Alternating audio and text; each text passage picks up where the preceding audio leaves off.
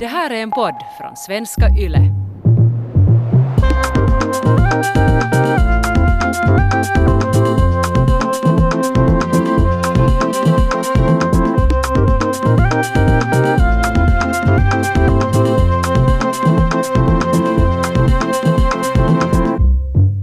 Välkommen till Sällskapet, en kulturpodd med samhällsperspektiv. Varje vecka kommer vi att snacka om aktuella fenomen, tankar och händelser i samhället och i kulturvärlden.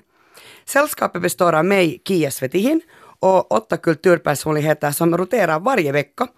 Och mitt sällskap består av Andrea Reuter, Kasper Strömman, Ellen Strömberg, Petra Laiti, Peter Alfakir, Maria Ahonen, Tuuli Heinonen och idag är det Elmer Bäck som sällskapar med mig. Hej! Hejsan. Hur står det till? Bra, tack. Ehm, Du har tänkt prata om vad då, Elmer? Jag har tänkt tala faktiskt om eh, Hollywood och amerikansk showbusiness nu under coronatider, eller snarare avsaknaden av det. Och med utgång i den här Lady Gagas One World Together at Home-konsert som gick ut ett par veckor sedan. Ett par veckor sedan, ja. Ja. Jag såg inte en sekund av den. Okej. Men jag ska berätta, jag ska berätta. Eh, Jag kommer att prata om eh, frivilligt lidande. Eh, Det är någonting som jag sysselsätter mig själv med uh, faktiskt 24-7. Eh, Jag har insett att frivilligt lidande så ger åt mig sån här orubblig mental styrka. Och eh, det är ganska bra att ha koll på, på huvudet har jag insett. Men Elmer, eh, jag vill nog lära känna dig först. eh, Jo. så jag tänkte att jag skulle ställa några frågor till dig. Vi börjar så här, vem är du, Elmer Bäck? Vem är jag? Jo, no, jag är alltså då Elmer Bäck. Jag är hemma från Helsingfors. Jag är 38 år gammal. Jag är då skådespelare, blev färdig från Teaterhögskolan 2007. Så spenderade jag sju år i Berlin med min teatergrupp Nya Rampen. Övriga medlemmar är Rasmus Letis och Jakob Örman.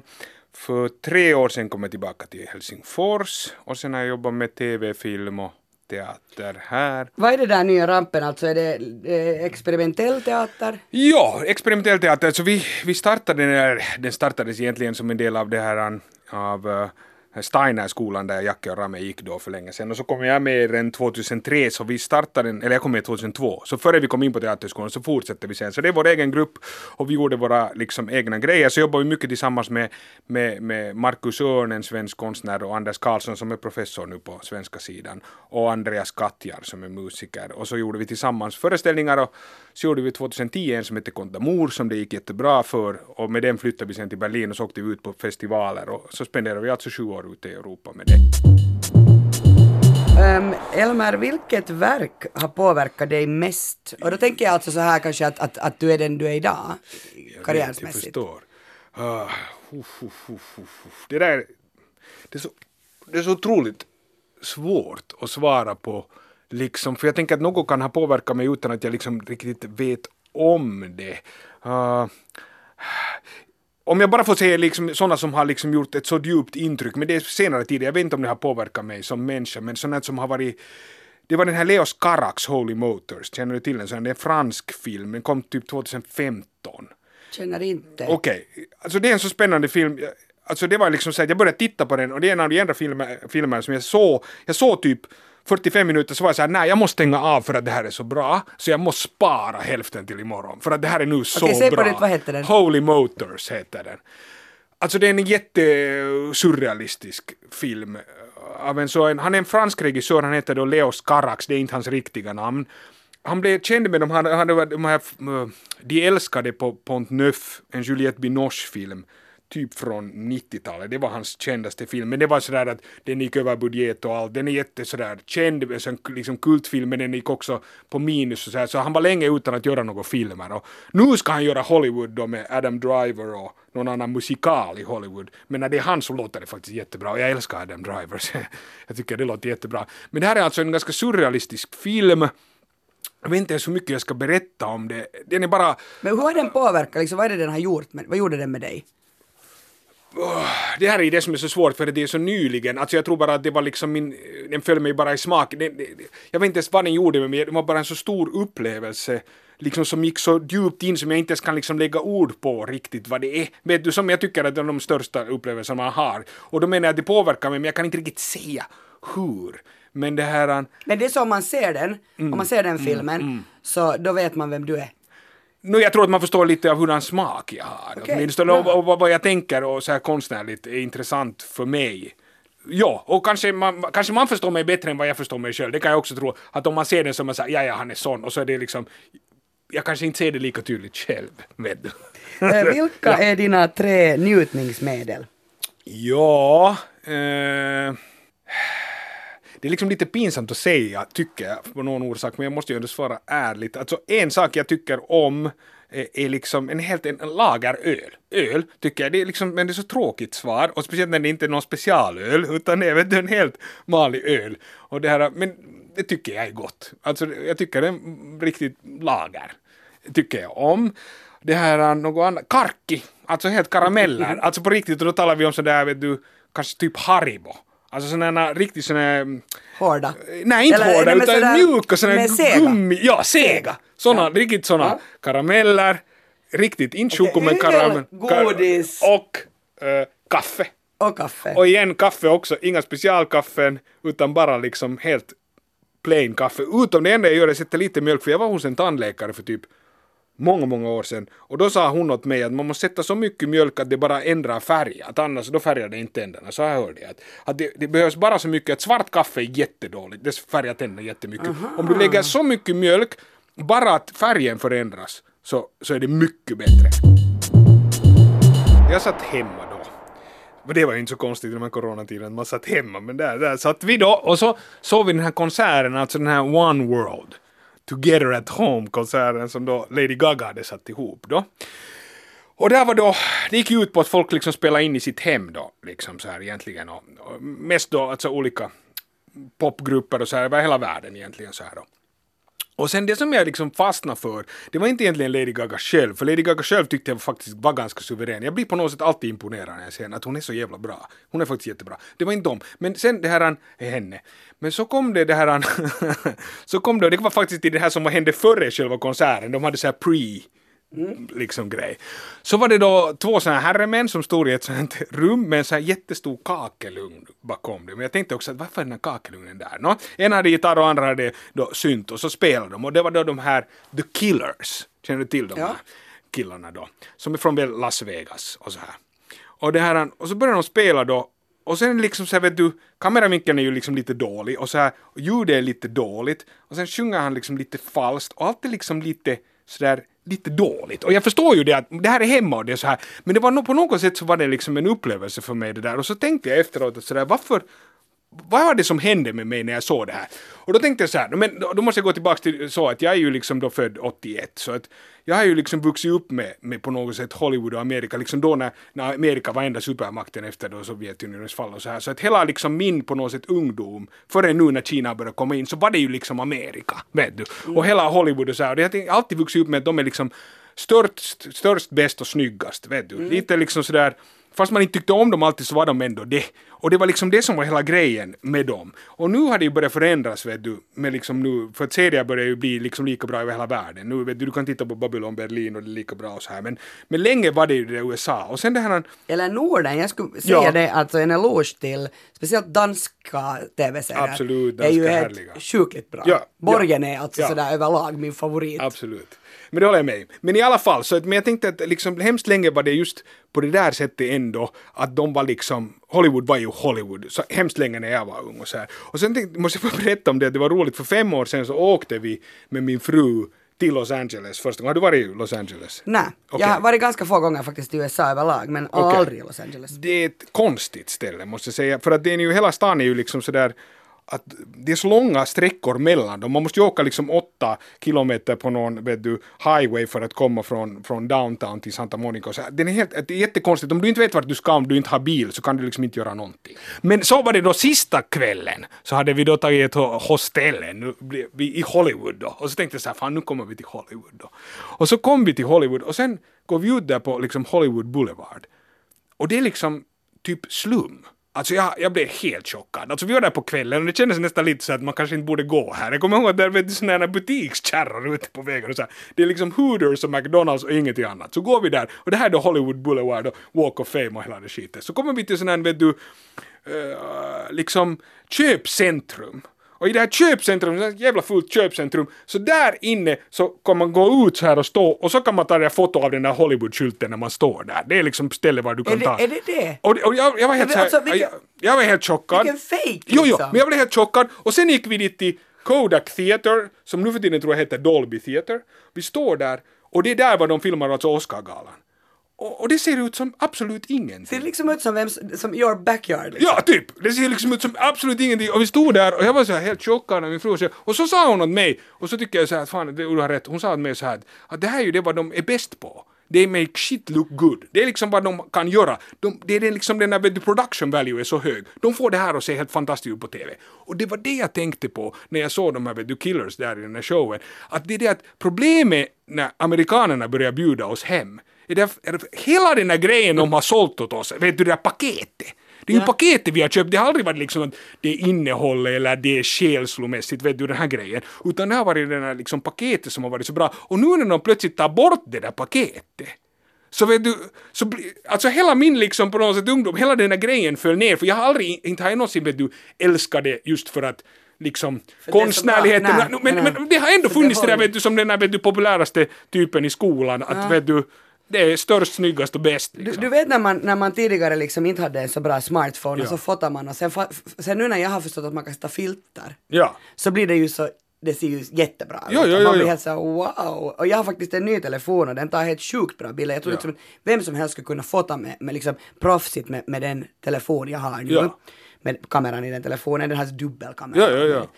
Ja, ja, ja. Och, och, och det är ju liksom bara fake. Det är ju inte på riktigt alltså. Det är ju, det är ju liksom, det, jag tänker sådär att är det, också när man ser de här skådespelarna sitta hemma, så det är som att någon glömde att sätta filtren Ja, på ja, dem. jag blir också helt chockerad. Och, och på något sätt är det värre när det, eller för mig i alla fall, märkte jag för att det där USA har varit den där grejen så starkt. Att det är liksom mindre om man ser någon i Tyskland så tycker man att det är mer okej på något sätt. Märker jag. Jag, jag funderar också, jag har sett ganska många klipp, jag vet inte varför det är kanske för att de kommer emot mig i mitt flöde, av Ellen DeGeneres, Mm. när hon sitter hemma i sin i sina vardagsrum och, och så ringer hon upp till så här Michelle Obama, eller Ah, Michelle okej, Obama ja. ringer upp henne. Och hon liksom, hon gör någon sån här show där hemma. Och hon bor ju liksom jättefint. Ja. Det, det är ju det de gör sen å andra Ja, sidan, de där Hollywoodstjärnorna. De bor jättesnyggt och har Ja. liksom, det är inte som om man tycker jättesynd om dem för att de har liksom så många olika pooler de kan Ja, välja ja. vid. Att vilken ska vi vara vid idag? De har ju som, Ja, ja. menar, om man själv bor i någon etta i, i, i, i någon förort och sitter Mm. där instängd. Nåja. Eh, men, men jag tycker liksom att deras innehåll lider av att, att den här eh, outputen är, är på något sätt så skaffa. Liksom att, att jag, jag tror inte på vad hon säger. Alltså det är helt annat att sitta och titta på henne när hon sitter i sin Vi studio. menar det, men det är därför att de har alltid sålt åt oss det där. Och det är ju det som vi har liksom trott på. Men jag tänker också att det där är intressant det här med filter. För jag tänkte också att, och det här är något som jag tror att dagens ungdomar, de går inte på det mera. För att de kan göra det på filter själv. De vet säkert mer om ljussättningen än vad jag vet. Alltså jag menar, jag tänker, kids som gör sina TikToks, jag tror att de, vet du, de har koll på de här grejerna. Alltså jag tror att de fattar vad som gör den där effekten. Men när jag var ung så fattade jag ingenting. Vet du, inte förstod jag vad färgkorrigering eller ljussättning, vad det gör liksom. Och, och, och det tänker jag liksom, och där är ju det som har blivit så intressant att, att nu ser ju vanliga människor ut som stjärnor och stjärnor ser ut som vanliga människor. Och det är någonting jäkligt spännande som händer. Men det, är liksom som att, att om du tar någon influencer eller liksom någon, någon influencers har väl inte heller nu så mycket jobb eh, på grund av hela den här pandemin som håller på. Men, men att man tänker just liksom att, att en vanlig eller vem som helst kan ju faktiskt vara eh, en, en eh, eh, idag. Därför att du kan skapa dina egna profiler på dina Twitterkonton eller liksom Instagram, Facebook, nej men what, you name it, som är. Och det gör ju liksom att, att en, en människa som kanske alltid har måste göra själv allting och ljussättningar och, och liksom göra det snyggt så blir en polerad bild.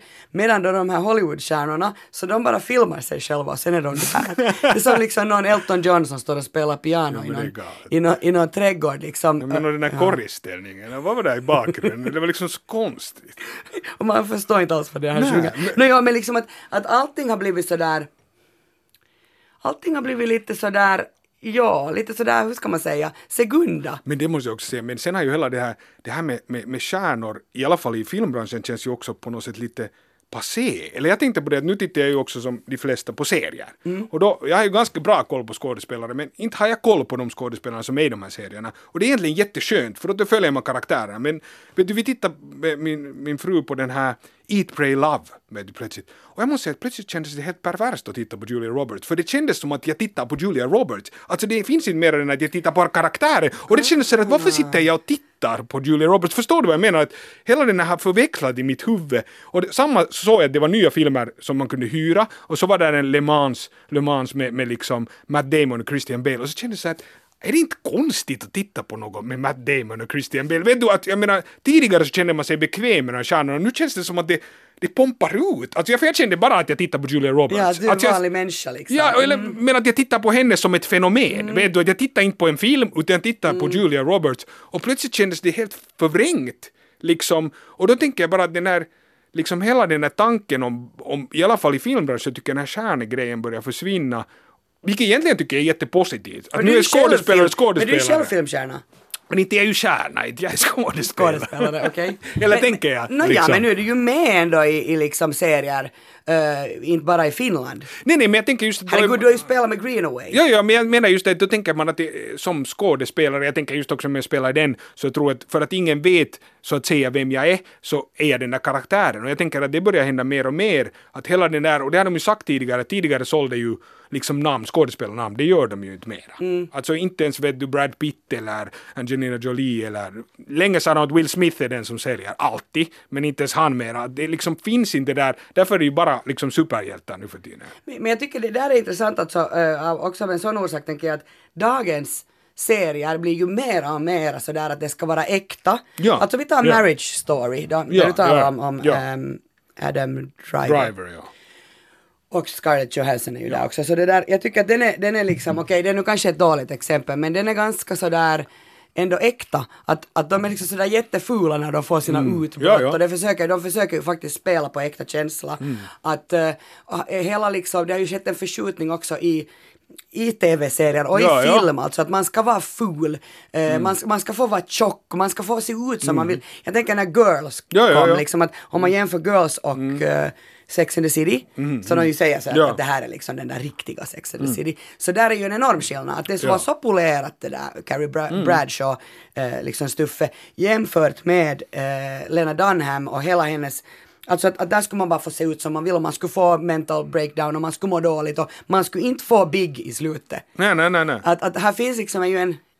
Det, det är som att det har förändrats. Det har förändrats och jag tänker egentligen, alltså det är ju en positiv förändring tycker jag på de flesta plan. Jag tänkte också bara på en sån sak, alltså liksom bara så här små förändringar, jag menar det förändras, eh, jag tittar bara på den där, en ny sån där uh, actionfilm där på Netflix som heter Extraction.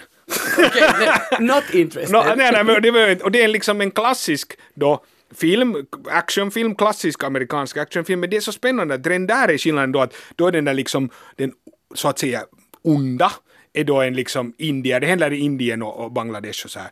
Men då har de ändå en story, vet du vad, de också visar att han har en familj, att han är en pappa, och att han har en frun och, och de liksom förklarar varför han gör, att han är inte bara ond av ond och det är spännande. Och sen att huvudrollen är fortfarande en vit man, men han är då Chris Hemsworth och han skulle ju kunna spela amerikan, men han är då australiensare och han spelar faktiskt australiensare, vilket redan är förskjutning för att en amerikansk. Liksom att det är så här små, små grejer, det tar ju länge före det liksom helt förändras. Men jag menar, det här är ändå så mainstream action och den där är det liksom så, förändring.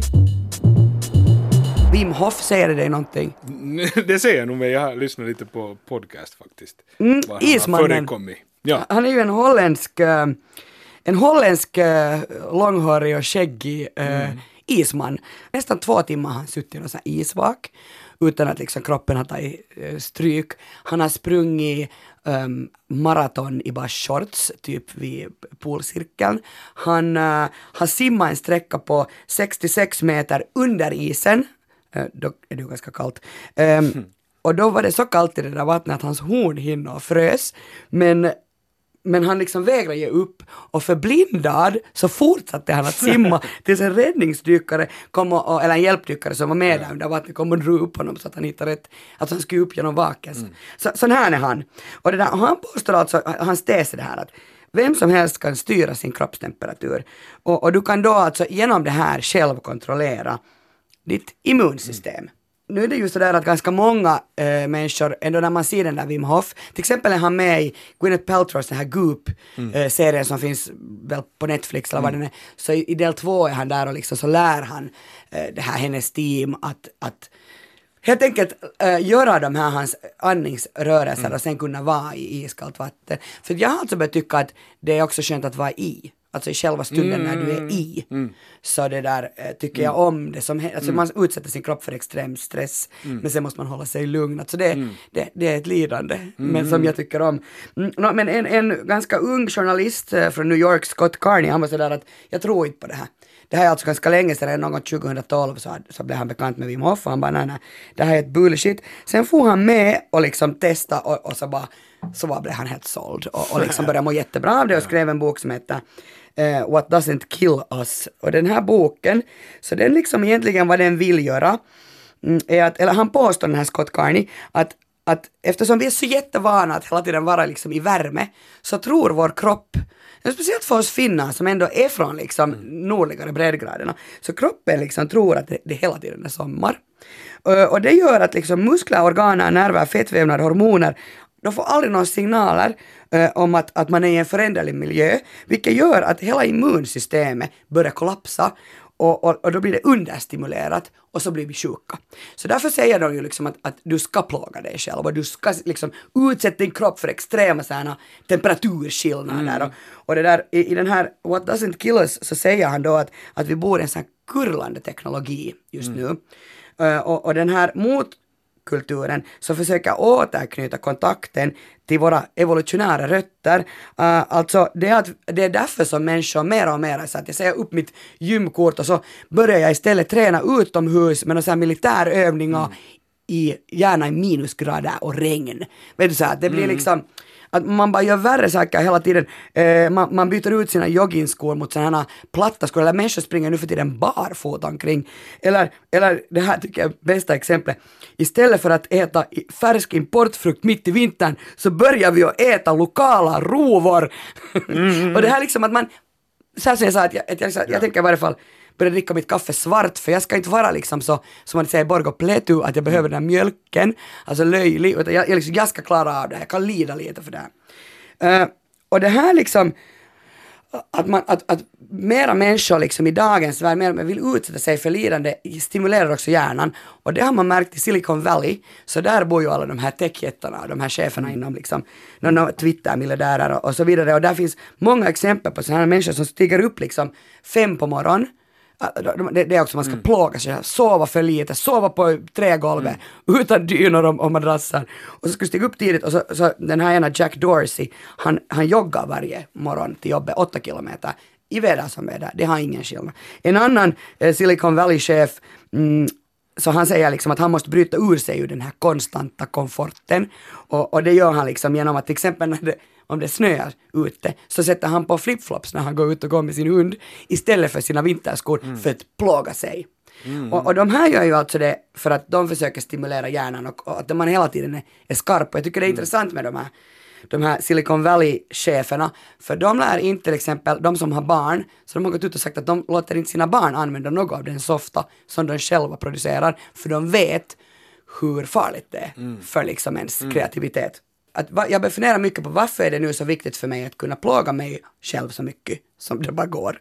Och, och, det där, och då handlar det om att liksom, i och med den här krisen vi, vi lever i nu som är i hela världen, så jag har, jag har fan inte ens kontroll på när man får få tillbaka på jobb liksom. Man har inte kontroll på något, man vet ingenting. När får man börja umgås med människor, när får man gå på restaurang?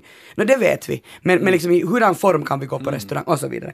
Så, så det där, jag tror att det är det som gör att jag kan kontrollera min kropp och, och jag liksom mind over body, jag kan kontrollera min hjärna över liksom mig själv. Men jag kan inte kontrollera något där ute så det ger mig liksom en form av lugn. Förstår du hur, hur jag tänker? Ja, ja, ja. Eh, Men varför man hela tiden ska hålla på med de här olika eh, temperaturskillnaderna. För alltså, det här har jag funderat på före allt det här började, i början av januari. Så det där såg jag en, en, en eller kanske det var i slutet av, av 2019, så såg jag en dokumentär om eh, en, en sån yogainstruktör som heter Bikram, som kommer från Indien. Är du bekant med Ja, den? ja, ja. Har du sett dokumentären? Jag har sett dokumentärer, ja. Nå, eh, det är ju en dokumentär, eh, kan du helt kort förklara vad som händer?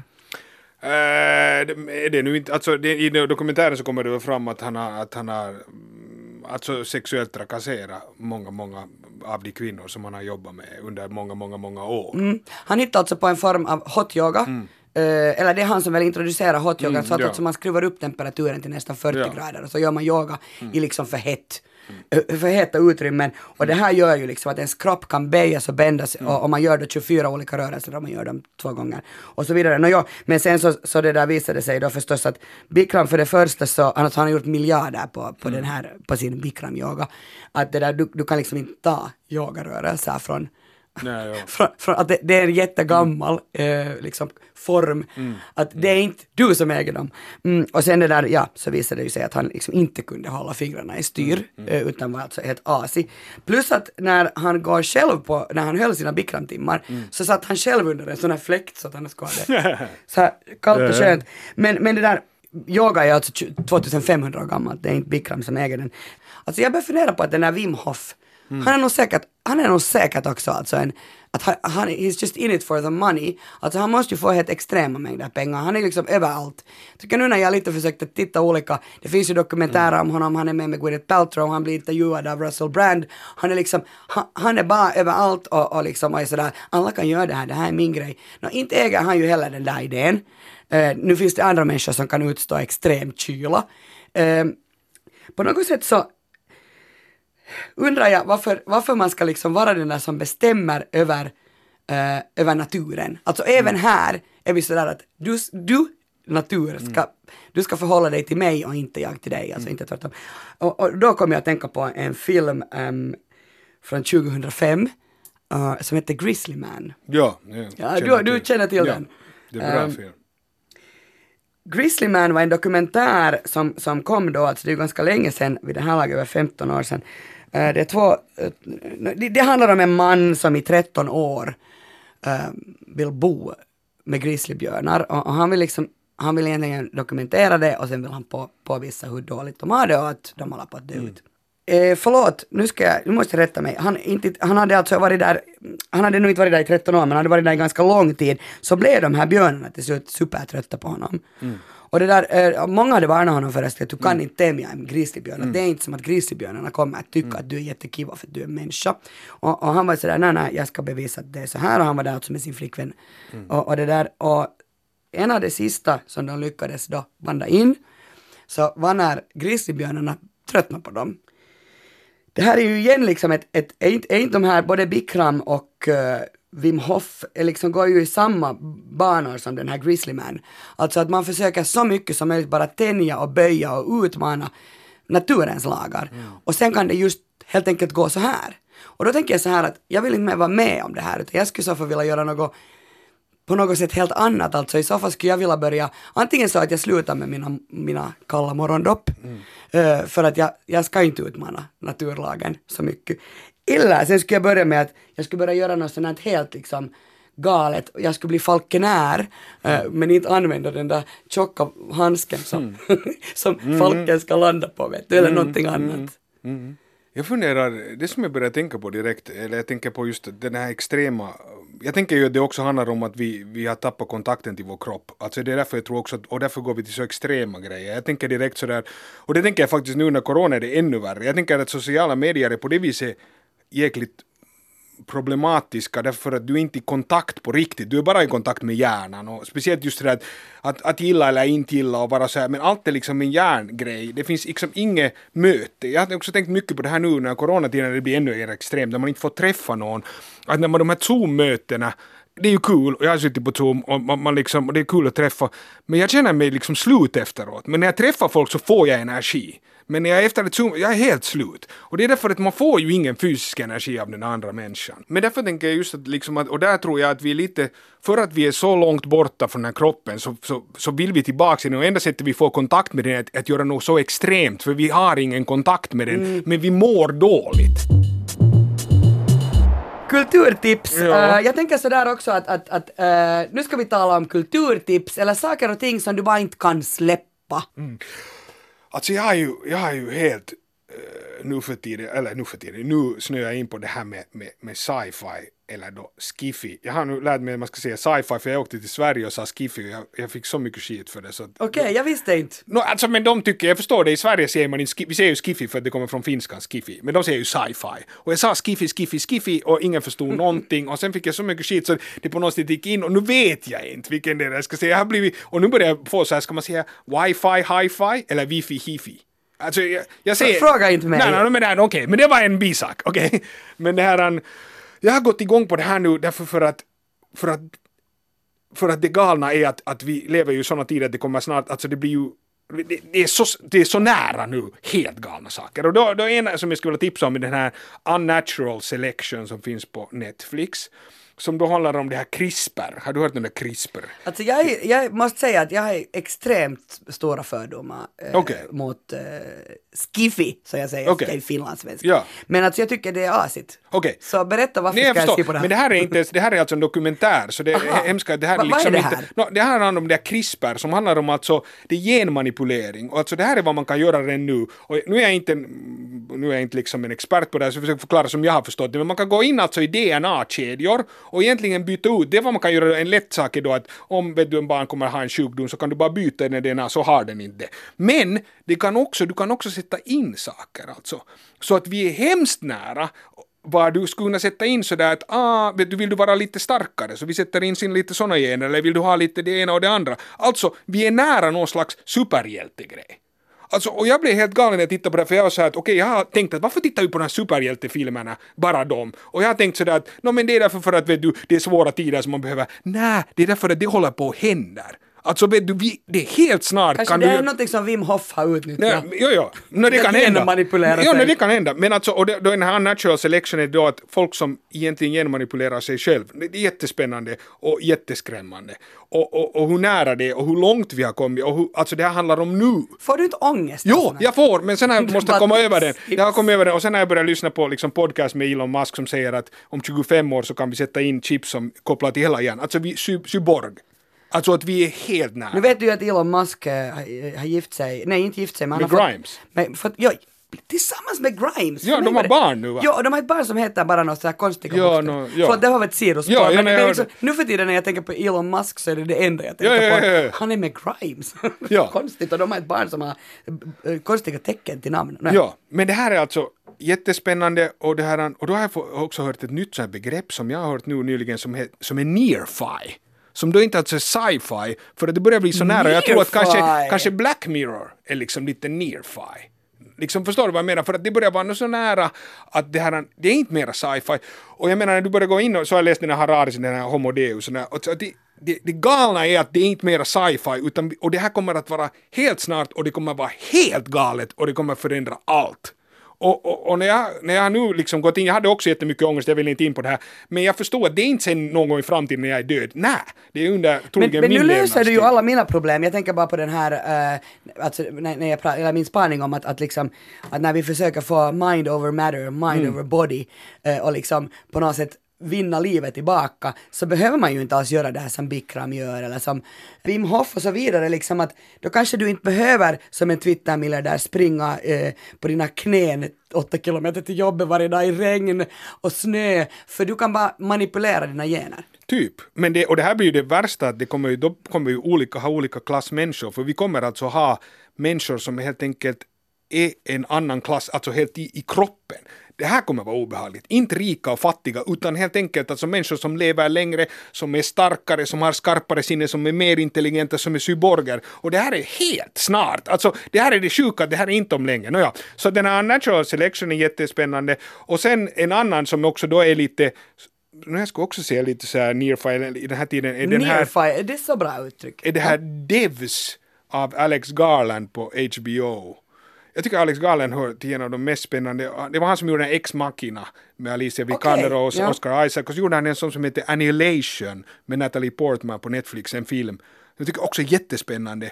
Och det här är liksom då hans eh, sån här serie som de går ut, som är då lite, ja, skulle man nu säga sci-fi, men det är inte mycket i framtiden. Som det här, som är faktiskt jättespännande. Han går liksom till sådana djupa lager och så här metafysiska plan. Jag tycker eh, absolut jättespännande serie på många sätt. Det här kan Devs. inte- Ja. Förlåt, säg på nytt. Devs Devs. på HBO. Alright. Uh, det råkar sig så väl att jag har också ett serietips och kanske det här, jag märker uh, Elmer att du tycker om att titta på TV, tycker du det? Ja, absolut. det. Du har sett ganska mycket. Alla, Ja. du, du, du drar alla referenser här, det är bra. Uh, HBO har en ny uh, komedi-thriller, det är för mig en ny genre, som heter Run. Ja, jag känner till. Har du sett den? Jag har sett. Ja. Eh, orsaken att jag överhuvudtaget ens intresserar mig för den här är givetvis att Phoebe Waller-Bridge eh, är, är både med i den, men det är också hon, hon är en av upphovskvinnorna. Är hon med? Inte har hon ännu kommit Till in? Eller har hon kommit in där? Jag har inte sett henne. Eller? Nå, vet du vad? Att den har inte ännu kommit alla avsnitt. Nej, nej, vi har inte sett henne i den. Men i Alltså, varje fall är hon hon är i varje fall en av dem som är upphovskvinnan bakom. Det stämmer, Hon ja. är inte den enda, alltså här är ju många upphovskvinnor. Jag tycker helt att jag läste någon recension som var sådär att, att det blir lite bättre när hon är med. Men, men vi får se. Eh, så här, så här va, för alltså det, den här kvinnan alltså är den som gjorde Fleabag. Ja, Fleabag som jättebra. är eh, några av de bästa serier jag har sett. Um, Run finns på HBO. En hemmafru sitter i sin bil på en sån här en enorm parkeringsplats, helt USA, men det kunde vara just, just det som du beskrev här i, i början av podden. Alltså, så här, det är liksom bara enormt. Eh, och det där, hon är på väg, hon ska på yoga, ser man, eh, och, och så pratar hon med en babyröst med sin man i telefonen. Och det där, man märker att det är någonting konstigt, hon är irriterad på den här mannen, eller man märker det är liksom något fel där. Eh, det är annars Merit Weaver som spelar den här, eh, den här kvinnan, alltså hon som, hon, jag, jag känner mest igen henne från Nurse Jackie. Hon var också med i Marriage Story. Eh, nej. Eh, nå, I varje fall så plingar det mitt på hennes telefon och så står det bara så här run. Och man har ingen aning om vad det är som ska hända, att liksom är det någon som jagar henne eller så vidare, och så går det liksom en, en, en tid och det är jättebra så här musik och sen så med svettiga fingrar så prupplar den här eh, då, Ruby som hon heter i den här serien eh, i in samma meddelande och skickar tillbaka. Och så, så blir det en sån här jakt liksom där hon eh, kör supersnabbt till flygfältet och så flyger hon till, är det till New York nu? Och det, jag tycker man ser att det här upplägget är liksom helt otroligt. Det var så här, när, när jag, när jag började titta på den, jag bara wow! Att från första sekund så blev jag bara så här, det här är bra. Alltså, det här är coolt. Så så jag det med Fleabag också. Man bara satt på den och bara, ah, det här är en bra serie. Um, och det är som det alltså egentligen handlar om. Jag tycker det är ganska intressant hela det här upplägget. Alltså, för 17 år sedan så hade hon, den här Ruby och hennes ungdomskärlek, kommit fram till att om de båda skriver run samtidigt, liksom, att den ena skriver den andra svarar, så då lämnar de sina liv och sen så ger de ut sig, sig ut på en resa och sen kikar de att ska de bli tillsammans. Vits så bra idé. Jag läste också att det här är alltså, en, en, den här idén kom den nu då från den här Phoebe Waller-Bridge, eh, att hon hade en sån eh, pakt med sin vän. Alltså det var inte kärleksrelaterat, utan det var med en kompis. Uh, vilket jag tycker att det är nästan ännu roligare. Att det är synd att de inte gjorde den versionen. För vad jag kan säga om den här Run är alltså att den är helt sjukt bra. Men den är bara bra där i början. Jag tyckte bara om första delen. Sen alltså fallerar hela serien. Jag, vet håller inte vad som med. händer där. Jag håller lite med. Jag, jag tycker att den fallerar på eh, helt enkelt att den har lite sådana vad heter det, plot twist som inte riktigt liksom riktigt fungerar. Eller jag har lite emellanåt så förstår jag inte motiveringen av, av de här karaktärernas liksom motiv. Nej, och jag, jag tycker ju att jag inte heller nu spoilar för mycket. Alltså det här är första minuterna bara i serien jag håller med dig, jag var också i början var jag sådär oj, man blir såhär wow, det är den- så bra! Den har som fart. Och så bra skådisar Ja, ja. tyckte jag också tills jag var sådär, men de har ingen jag tycker faktiskt att de här, de här båda då som har skrivit Mm. Run, alltså det här ungdomskärleksparet, de har ingen attraktion. Alltså. Man blir såhär, men de tycker ju inte om varandra. Alltså man märker liksom att det är bara såhär statiskt. Eh, men, men anyway så tycker jag liksom att konceptet är jättebra, alltså det är en jättebra idé. Mm. Och jag skulle vilja se den som reality. Ja, ja, det är spännande. Det skulle vara mer intressant. Uh, här nu alla, alla, alla där ute som hör det här nu, Mm. så, nu ger jag en jättebra idé. Men alltså att man skulle göra en reality av det, man skulle liksom be par göra det här och sen skulle man efter tio år testa. Men det skulle vara hemskt för deras liksom äkta hälft. Jag vet. Och de vet ju inte du om bara det. åka iväg? Det är ju hemskt. Och så är man såhär, var är du? Och så är det såhär, nåja, jag är sån här reality show för tio år sedan så gick Sätt med. på TVn bara, där ser du mig. Kolla. Det här var nu helt superroligt. Vi har, Ja. vi har gått igenom eh, hur vi ska lida mera, varför Hollywoodstjärnorna inte är så jättespännande att titta på och vi har gett massa tips åt er vad ni kan göra. Titta på, på serier, också åt mig. Jag kanske nu eh, måste sluta med mina fördomar för, för Skiffy. Och, och, och desto när det heter Nearfy, tyckte jag faktiskt att det var jättespännande. Jag ska titta på de här tipsen som du gav. Men superkiva att ha med dig i sällskapet som består förutom av dig Elmer Bäck också av Kasper Strömman, Andrea Reuter, Petra Laiti, Petra Alfakir, Maria Ahonen och Tuuli Heinonen. Och den som gör podd med mig nästa vecka är Petra Laiti. Vi hörs då, ha det bra, hejdå! Hej!